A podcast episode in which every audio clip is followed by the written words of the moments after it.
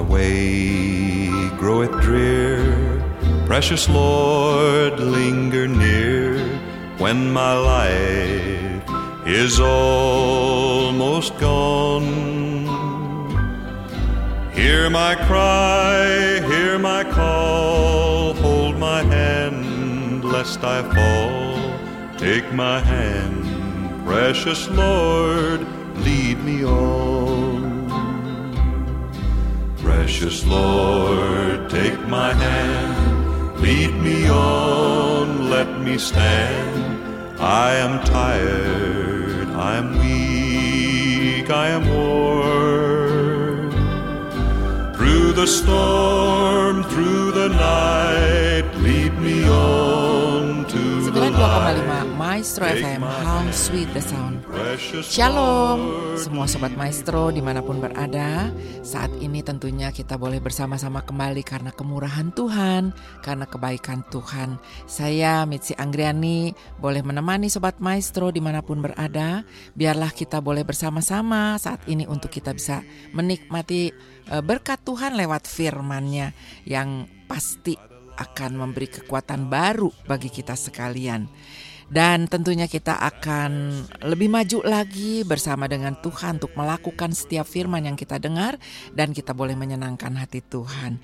Baiklah Sobat Maestro, kita akan siapkan saja ayat yang menjadi dasar renungan kita saat ini yaitu dari Ulangan pasal 3 ayat 23 sampai 27. Ulangan pasal 3 ayat 23 sampai 27 kita siapkan bersama-sama. Dan mari sebelum kita membaca dan mendengarkan renungan firman Tuhan, kita minta pimpinan Tuhan terlebih dahulu. Mari kita berdoa. Kami menikmati kebaikan Tuhan saat ini ya Bapa. Dengan kami punya kerinduan untuk duduk diam sejenak mendengarkan apa yang Tuhan ingin katakan kepada kami. Sucikan dan kuduskan kami Tuhan Yesus, layakan kami ya Roh Kudus, beri kepada kami hikmat, pengertian, dan juga kemampuan untuk melakukan apa yang Tuhan mau dalam hidup kami. Mari Roh Kudus, berbicaralah kepada kami saat ini. Kami siap untuk mendengarkannya. Di dalam nama Yesus Kristus kami mohon. Haleluya. Amin. Amin. Sobat Maestro kita akan sama-sama membaca ulangan pasal 3 ayat 23 sampai 27. Demikian bunyinya. Juga pada waktu itu aku mohon kasih karunia daripada Tuhan demikian. Ya Tuhan Allah, Engkau telah mulai memperlihatkan kepada hambamu ini kebesaranmu dan tanganmu yang kuat. Sebab Allah manakah di langit dan di bumi yang dapat melakukan perbuatan perkasa seperti engkau. Biarlah aku menyeberang dan melihat negeri yang baik yang diseberangi sungai Yordan, tanah pegunungan yang baik itu, dan gunung Libanon. Tetapi Tuhan murka terhadap aku oleh karena kamu dan tidaklah mendengarkan permohonanku. Tuhan berfirman kepadaku, cukup, jangan lagi bicarakan perkara itu dengan aku. Naiklah ke puncak gunung Pisga dan layangkanlah pandanganmu ke barat, ke utara, ke selatan, dan ke timur. Dan lihatlah baik-baik, sebab sungai Yordan ini tidak akan kau seberangi. Sobat Maestro, tidak seorang pun bersama dengannya saat dia meninggal. Tidak ada seorang pun yang hadir dalam pemakamannya.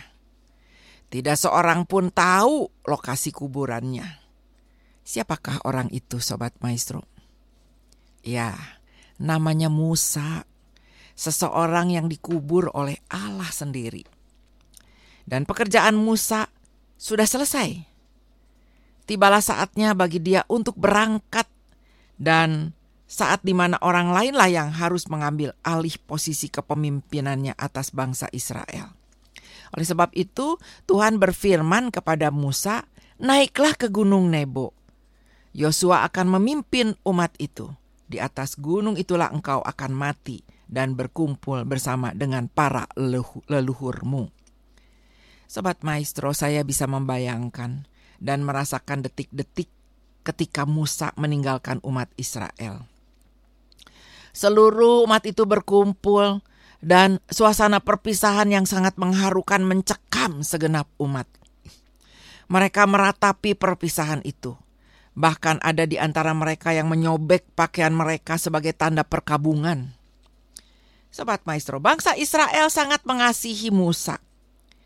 Walau kadangkala bangsa Israel berpikir bahwa Musa ini sebagai orang tua yang keras dan tidak sudi berkompromi sedikit pun dengan kesalahan dan eh, dosa-dosa mereka. Tapi mereka bangsa Israel itu tetap mengasihi Musa. Mereka merasa sangat kehilangan figur seorang bapak yang selama ini sudah dengan sabar menuntun mereka. Dengan linangan air mata saya bisa membayangkan bangsa Israel menatap Musa menaiki gunung Nebo serta lama-kelamaan hilang dari pandangan mereka. Sobat Maestro, kita bisa membayangkan detik-detik ketika Musa di atas puncak gunung Nebo saat jubahnya ditiup angin yang besar. Dengan kedua tangan menudungi matanya, dia melihat ke arah sungai Yordan dan pegunungan serta lembah-lembah subur negeri Kanaan. Kemudian sampai akhirnya mereka tidak bisa melihat Musa lagi. Dan kita juga bisa membayangkan kalau orang yang pergi ya meninggalkan kita yang lama kelamaan hanya punggungnya yang terlihat tapi lama kelamaan begitu lama begitu jauh begitu jauh dan begitu jauh sampai hilang dari pandangan mata kita. Seperti itulah kira-kira perasaan bangsa Israel ketika melihat Musa harus pergi dipanggil Tuhan dan e, tidak kelihatan lagi. Bahkan kuburnya pun tidak ada yang tahu. Kemudian kita tidak bisa lagi berkomunikasi seolah-olah sebuah tirai menutupi pandangan kita dan sebuah sekat tidak lagi bisa membuat kita uh, dekat. Sobat Maestro, kitab suci memberikan kelanjutan daripada kisah itu, yaitu lalu matilah Musa hamba Tuhan itu di sana di tanah Moab sesuai dengan firman Tuhan. Dan kemudian dikuburkannya lah dia di suatu lembah di tanah Moab di tentangan Bet Peor dan tidak ada yang tahu kuburnya sampai hari ini. Itu ditulis Sobat Maestro dalam ulangan 34 ayat 5. Nah, sobat maestro, yang kita mau pelajari saat ini, apakah yang ingin kita renungkan bersama tentang tokoh Musa ini? Yang pertama kita mau renungkan ya, bagaimana doa Musa yang tidak terkabulkan. Sobat Maestro, kita pernah berdoa dan sering berdoa. Tapi ada banyak dari sekian doa yang kita panjatkan sering kali tidak dijawab sesuai dengan kehendak kita, bukan? Nah, kira-kira seperti itulah doa Musa yang tidak terkabulkan. Di dalam kitab ulangan, kita bisa menemukan perkataan Musa seperti yang terdapat di dalam ulangan 3 ayat 25 sampai 27 tadi yang tidak kita sudah baca bersama. Musa yang sudah memimpin umat Israel tiba di perbatasan negeri perjanjian. Dan Allah mengatakan kepada Musa bahwa dia boleh memandang negeri itu dari puncak gunung saja, tapi dia tidak boleh untuk memasukinya. Mengapa?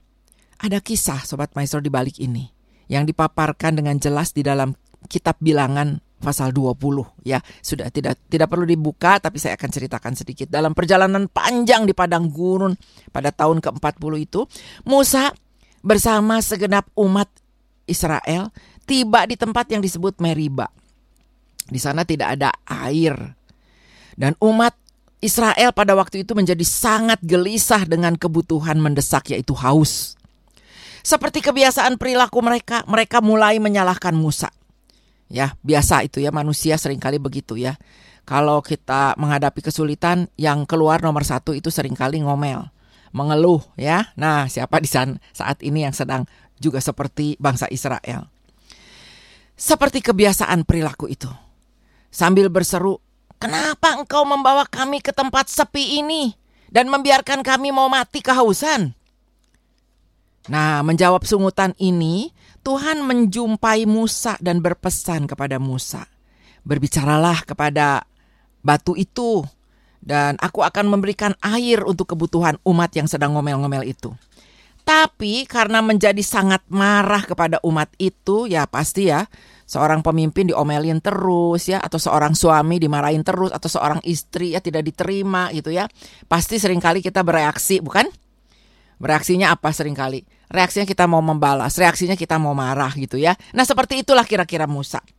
karena sangat marah kepada umat itu, Musa jadi tidak mentaati Allah.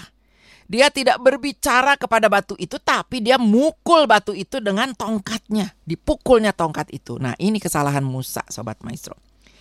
Dia kembali melakukan dosa ketika menempatkan dirinya dan Harun kakaknya sebagai orang-orang yang sudah berjasa memberikan air kepada umatnya. Dia katakan, "Dengarlah hai pemberontak." Dia berkata, "Haruskah kami mengeluarkan air dari batu ini?" Nah, seperti itu ya kemarahan Musa. Allah tidak berkenan membiarkan dosa Musa dan Harun menghalangi pemberian air minum bagi umatnya. Dan Allah memberikan air yang berkelimpahan itu keluar dari batu. Walaupun dengan cara dipukul batu itu bukan dikatakan ya. Tapi kemudian saat mereka tiba di perbatasan negeri perjanjian, Musa memanjatkan doa, "Tuhan, biarlah aku menyeberang dan melihat negeri yang baik itu." Tapi Allah menjawab, "Tidak, Musa. Sebab dosamu di Meriba itu, maka engkau tidak akan memasuki negeri itu." Wow, bisa kita bayangkan ya sobat maestro, ketika Musa ditolak untuk masuk ke negeri perjanjian. Demikian juga Sobat Maestro kepada kita. Kitab suci memberikan beberapa alasan kenapa sih doa-doa kita tidak dikabulkan oleh Tuhan. Kadangkala mungkin doa yang kita panjatkan itu terlalu egois. Hanya mementingkan diri kita sendiri. Atau mungkin kadangkala doa yang kita panjatkan itu dilandaskan pada kekurang percayaan kita kepada Tuhan. Nah, Sobat Maestro, dan sering kali ada juga doa yang tidak terkabulkan karena adanya dosa dalam kehidupan yang uh, yang sedang dilakukan ya. Kehidupan kita orang yang sedang berdoa kepada Tuhan tapi melakukan dosa. Dan hal ini jelas tercantum di dalam Mazmur 66 ayat 18 seandainya ada niat jahat dalam hatiku tentulah Tuhan tidak mau mendengar. Sobat maestro dengan kata lain, pemazmur ingin mengatakan bahwa kalau ada dosa di dalam hidup kita, maka kita mungkin berdoa dari subuh sampai jauh malam, tapi Allah tidak akan mengabulkan doa kita. Kita boleh periksa sobat maestro. Mungkin pada saat ini kita sudah memanjatkan doa, sudah berbulan-bulan, bertahun-tahun, tetapi Tuhan seperti membungkam. Kita tidak mendengar suara Tuhan menjawab. Walaupun jawabnya itu kadang-kadang tidak, ya, tetapi kita tidak tahu, tidak mendengar karena mungkin ada penghalang, yaitu sering kali kita melakukan hal yang salah yang belum diselesaikan, ya, sobat maestro. Nah, inilah sebabnya mengapa juga doa Musa tidak dikabulkan oleh Tuhan. Ini juga alasannya mengapa Tuhan tidak menjawab doa-doa umatnya juga pada zaman Yesaya. Dalam Yesaya 59 ayat 1 dan 2 dikatakan oleh Nabi Yesaya. Sesungguhnya tangan Tuhan tidak kurang panjang untuk menyelamatkan, dan pendengarannya tidak kurang tajam untuk mendengar. Tetapi yang merupakan pemisah antara kamu dan Allahmu ialah segala kejahatanmu, dan yang membuat Dia menyembunyikan diri terhadap kamu sehingga Ia tidak mendengar ialah segala dosamu. Sobat Maestro, kita boleh memeriksa diri kita masing-masing dengan doa-doa yang kita panjatkan. Kalau kita punya relasi yang baik dengan Tuhan, pasti doa kita didengar. Walaupun mungkin jawabnya tidak selalu ya. Mungkin jawabnya nanti tunggu atau jawabnya tidak. Tetapi kita bisa punya kepekaan mendengar suara Tuhan. Sobat Maestro ada sebuah artikel ya, ada kisah yaitu tentang Norman Pale ya. Norman Pale ini sebagai seorang anak laki-laki bersama dengan teman sebayanya yang sedang mencari identitas diri. Dia sudah belajar untuk mengisap rokok. Suatu hari sambil menyulut sebatang rokok dan mengisapnya dengan perasaan bangga sebagai seorang anak laki-laki. Tiba-tiba dia sangat terkejut karena ada seorang pria yang sedang berjalan ke arah dia yaitu ayahnya sendiri. Dan ayahnya itu seorang pendeta. Si Norman ini segera menyembunyikan rokoknya di balik tubuhnya. Dan kemudian dia menyapa ayahnya. Hello dad, katanya gitu ya dengan manis sekali. Lalu ayahnya tahu ya, dia katakan, Mengapa hellomu itu dengan tangan di belakang anakku? Kata ayahnya. Lalu si Norman ini kelabakan, namun tidak habis akal. Dia segera mengalihkan perhatian ayahnya dengan tangan kiri menunjuk reklame kunjungan sirkus di kota mereka. Sambil berkata, Dad, berikan aku uang untuk membeli tiket sirkus itu. Aku ingin sekali nonton bersama teman-temanku nanti. Lalu dengan suara yang tenang dan lembut, ayahnya itu menjawab, Norman, kamu harus belajar mulai saat ini. Jangan berharap meminta sesuatu apa pun dari ayahmu. Dengan tindakan ketidaktaatanmu pada ayah, yaitu dengan apa yang kamu sembunyikan di balik tubuhmu itu. Rupanya, ya memang rokoknya itu di tangannya disembunyikan, tapi asapnya mengepul, Sobat Maestro dan ayahnya tahu. Ya Sobat Maestro seperti itulah kira-kira kita di hadapan Tuhan ya. Apakah Sobat Maestro dan saya sedang berdoa sambil menyembunyikan sesuatu di dalam kehidupan kita? Tidak mungkin dan jangan berharap doa kita dikabulkan oleh Tuhan kalau kita menyembunyikan sesuatu dan kita anggap bahwa Tuhan tidak tahu. Doa kita tidak akan lebih tinggi dan hanya mencapai langit-langit kamar saja kalau persoalan yang tidak berkenan itu disembunyikan, yaitu dosa kita disembunyikan. Sobat Maestro, Jangan sampai dosa yang kita lakukan itu masih kita pertahankan. Sementara kita berdoa siang malam, berdoa dari pagi subuh sampai malam. Sobat Maestro, pasti doa kita tidak akan dijawab. Pasti kita tidak akan bisa mendengar suara Tuhan yang sudah menjawab mungkin doa kita sekalipun. Sobat Maestro, mari kita periksa. Seperti doa Musa yang tidak terkabulkan karena sudah melakukan hal yang salah dan tidak membereskan. Mari kita belajar supaya kita selalu memulihkan hubungan kita dengan Tuhan. Jangan sampai doa-doa kita terhalang. Apa pelajaran kedua Sobat Maestro? Selain doa Musa yang tidak terkabulkan. Yang kedua yaitu kekecewaan besar dari Musa. Sobat Maestro pernah kecewa? Saya percaya setiap kita pernah kecewa ya. Kenyataan menunjukkan bahwa Musa berdoa serta meminta supaya Tuhan mengizinkannya masuk ke negeri perjanjian, dan hal itu begitu berarti bagi dirinya. Mungkin sobat maestro kita bisa turut merasakan ya, tinggal selangkah lagi loh ini, ya, sudah di perbatasan Tuhan, tapi ternyata Tuhan tidak mengizinkan Musa masuk. Betapa besar kekecewaan yang dirasakan oleh Musa. Pasti perasaannya kecewa ya Sobat Maestro walaupun akhirnya Musa bisa menerima. Tapi pasti reaksi pertama itu kecewa. Kenapa nggak boleh masuk? Saya yang sudah membawa bangsa Israel 40 tahun berputar-putar di padang gurun. Sekarang tinggal selangkah hanya cuma dikasih lihat sama Tuhan. Lihat tuh ya perjanjian negeri perjanjian yang kujanjikan tapi tidak boleh masuk kau ke sana. Kita bisa bayangkan sobat maestro kalau kita ditempatkan di dalam diri Musa, pasti kita juga reaksi pertama kecewa. Dan ini adalah untuk pertama kalinya setelah 40 tahun lamanya mereka terus mengelilingi padang gurun. Pengembaraan ini disebabkan ketakutan mereka akan penduduk Kanaan yang buruk menurut laporan dari 10 pengintai. Sambil mengembara dan tiba di perbatasan negeri itu. Saya yakin Musa berpikir, 40 tahun adalah jangka waktu yang panjang. Namun sekarang berakhir sudah. Tapi sekarang aku yang akan menyeberangi sungai Yordan memasuki negeri perjanjian yang sudah dijanjikan Tuhan kepada Abraham dan bapak-bapak leluhurku. Tapi aku tidak boleh masuk ke dalamnya. Jawaban yang diterima Musa dari Tuhan. Cukup. Jangan lagi dibicarakan perkara itu dengan aku. Musa, engkau tidak boleh memasuki negeri itu Hancurlah Sobat Maestro seluruh pengharapan Musa. Sesungguhnya kekecewaan ini adalah satu bagian kecil dari pengalaman hidup manusia yang juga pernah mungkin Sobat Maestro dan saya alami. Kekecewaan ditolak, kekecewaan tidak diterima, kekecewaan tidak bisa menerima apa yang diharapkan dan sudah diperjuangkan. Kita bisa bayangkan betapa kecewa kalau hati kita juga seperti Musa.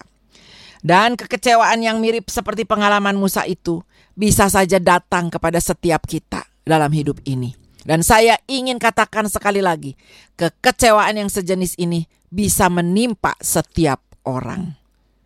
Misalnya Sobat Maestro, ada seorang pemuda yang sedang menjalin cinta dengan gadis pujaannya. Lalu dengan tekun, dengan semangat juang yang tinggi, bekerja keras demi kelak mampu membahagiakan kekasihnya dan punya cita-cita untuk menikahinya.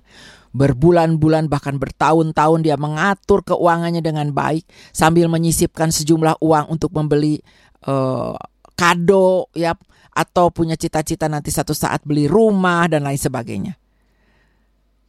Lalu kemudian tidak ada yang diduga satu saat gadis pujaannya itu justru akhirnya dengan tega menerima lamaran seorang pemuda lain yang lebih kaya.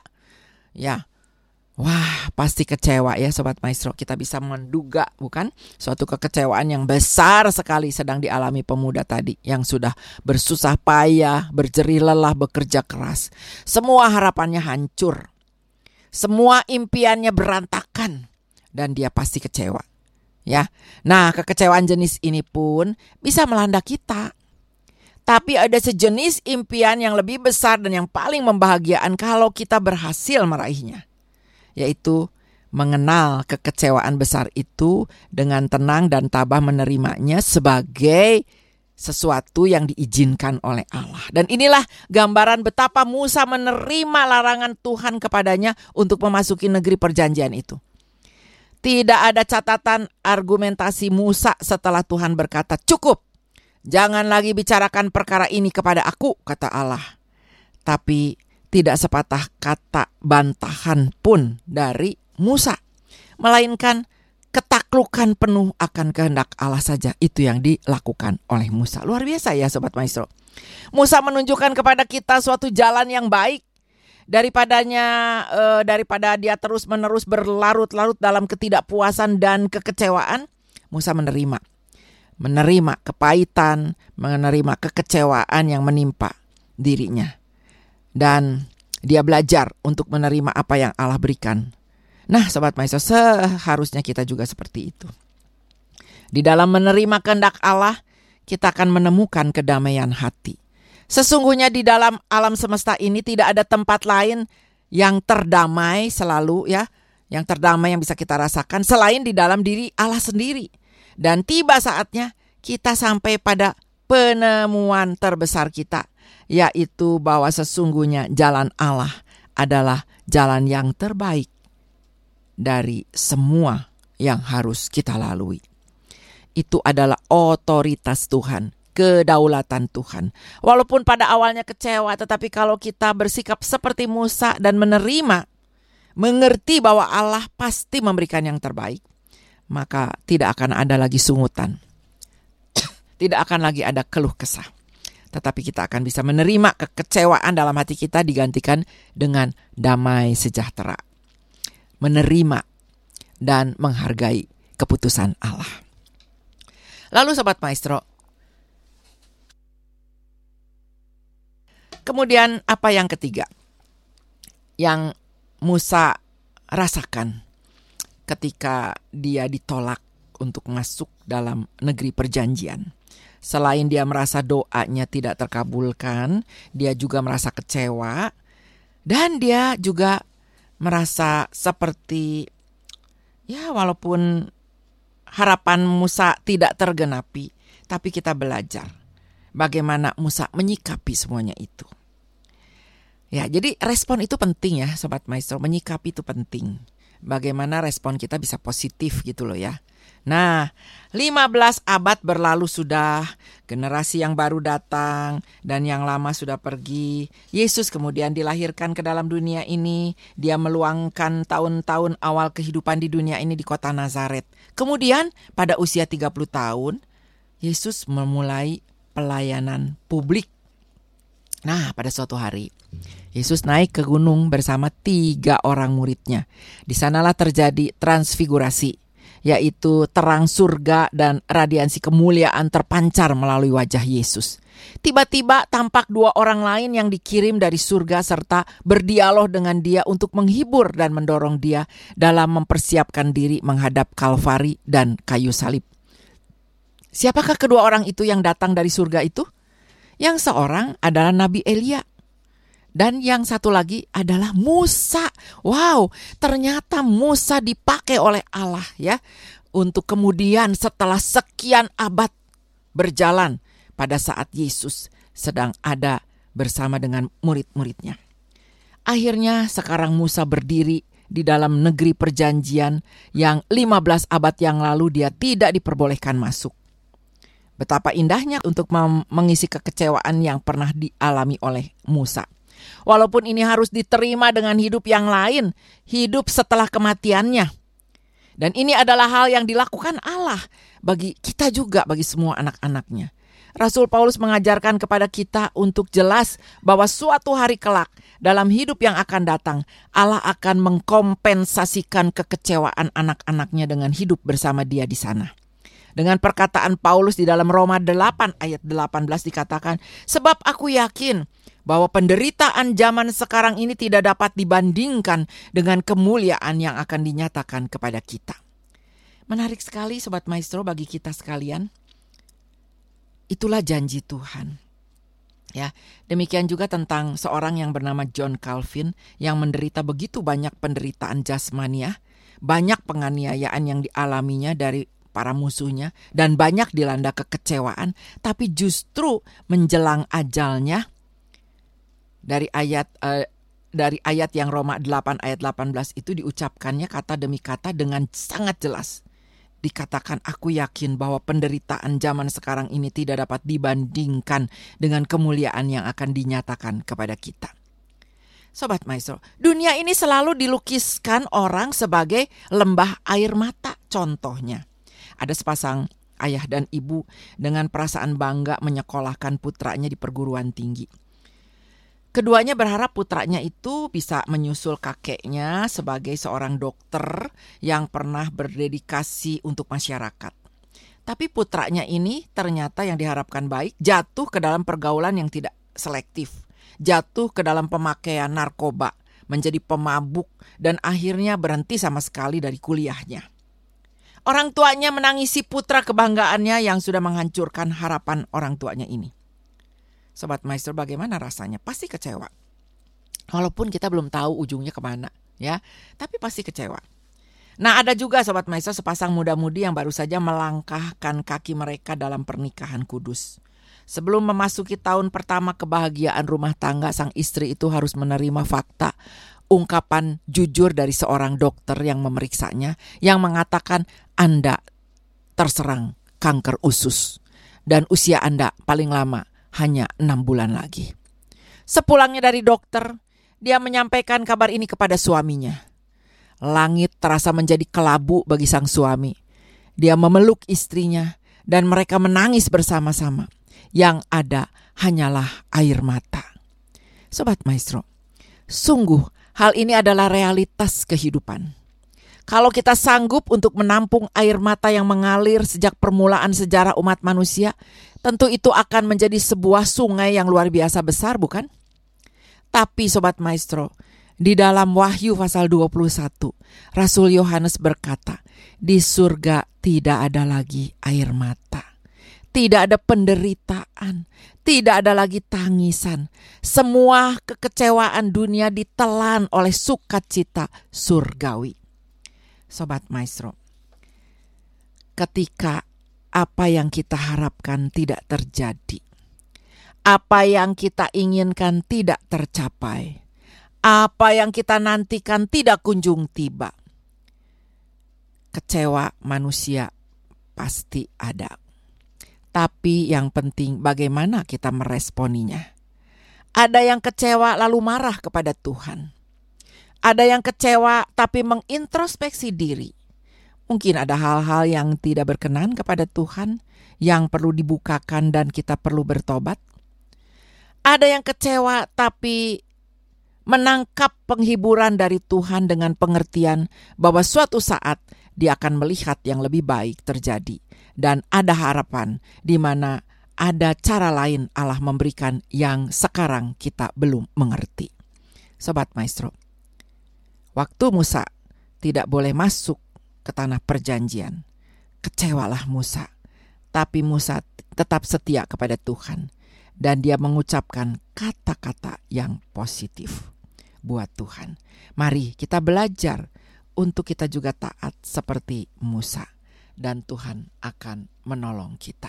Mari kita renungkan bersama-sama.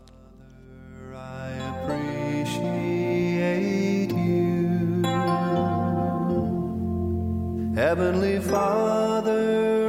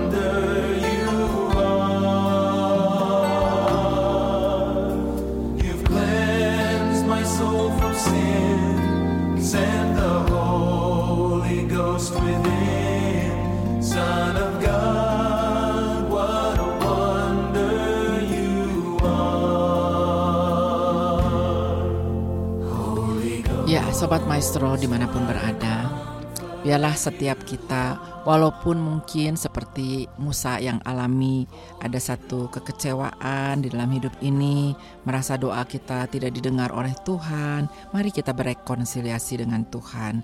Biarlah kekecewaan sebesar apa pun, kita harus belajar juga memahami bahwa Tuhan punya rancangan yang luar biasa bagi setiap kita. Rancangan Tuhan adalah rancangan damai sejahtera, bukan rancangan kecelakaan buat setiap kita. Dan biarlah harapan kita pada satu saat digenapi dengan respon kita yang positif seperti Musa. Tuhan akan menolong kita. Tuhan akan memimpin kita supaya kita sama eh, sa- benar-benar dekat dengan Tuhan dan benar-benar eh, bisa menikmati perjalanan proses kehidupan ini seperti yang Tuhan mau dan kita semakin mengerti, memahami bagaimana Tuhan bekerja dalam hidup kita dan selalu menolong kita. Mari kita berdoa. Terima kasih Tuhan. Kami bersyukur saat ini kalau Tuhan memberikan hikmat bagi kami untuk kami bisa belajar dari tokoh Musa dalam Alkitab bagaimana dia juga merasa eh, kecewa ketika dia ditolak dan tidak boleh masuk dalam negeri perjanjian hanya sekedar melihat. Tuhan, biarlah kami juga belajar untuk bisa meres- berespon seperti Musa, berespon positif dan dia tetap tidak ngomel-ngomel, tidak mengeluh, tidak menggerutu, tetapi dia mengikuti cara Tuhan dan prosesnya Tuhan sehingga benar-benar dia boleh dimuliakan, dia boleh ada di samping Allah Bapa dan dia boleh menerima kemuliaan yang luar biasa. Terima kasih Tuhan, biarlah Tuhan juga akan menolong setiap kami. Kami percaya hidup kami di dalam tangan Tuhan. Beri kepada kami kemampuan untuk merespon yang baik dan positif.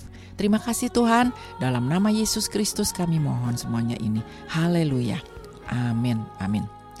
Sobat Maestro, saya percaya setiap kita diberkati oleh firman Tuhan dan biarlah firman Tuhan akan menjadi pedoman bagi hidup kita, memberikan kepada kita pandangan yang positif dan berespon positif. Baiklah, Sobat Maestro, saya Mitzi Anggriani dari Geraha Maestro Jalan Kaca Piring 12 Bandung, segera undur diri. Tuhan memberkati kita semua. Shalom, damai sejahtera Tuhan beserta dengan kita sekalian.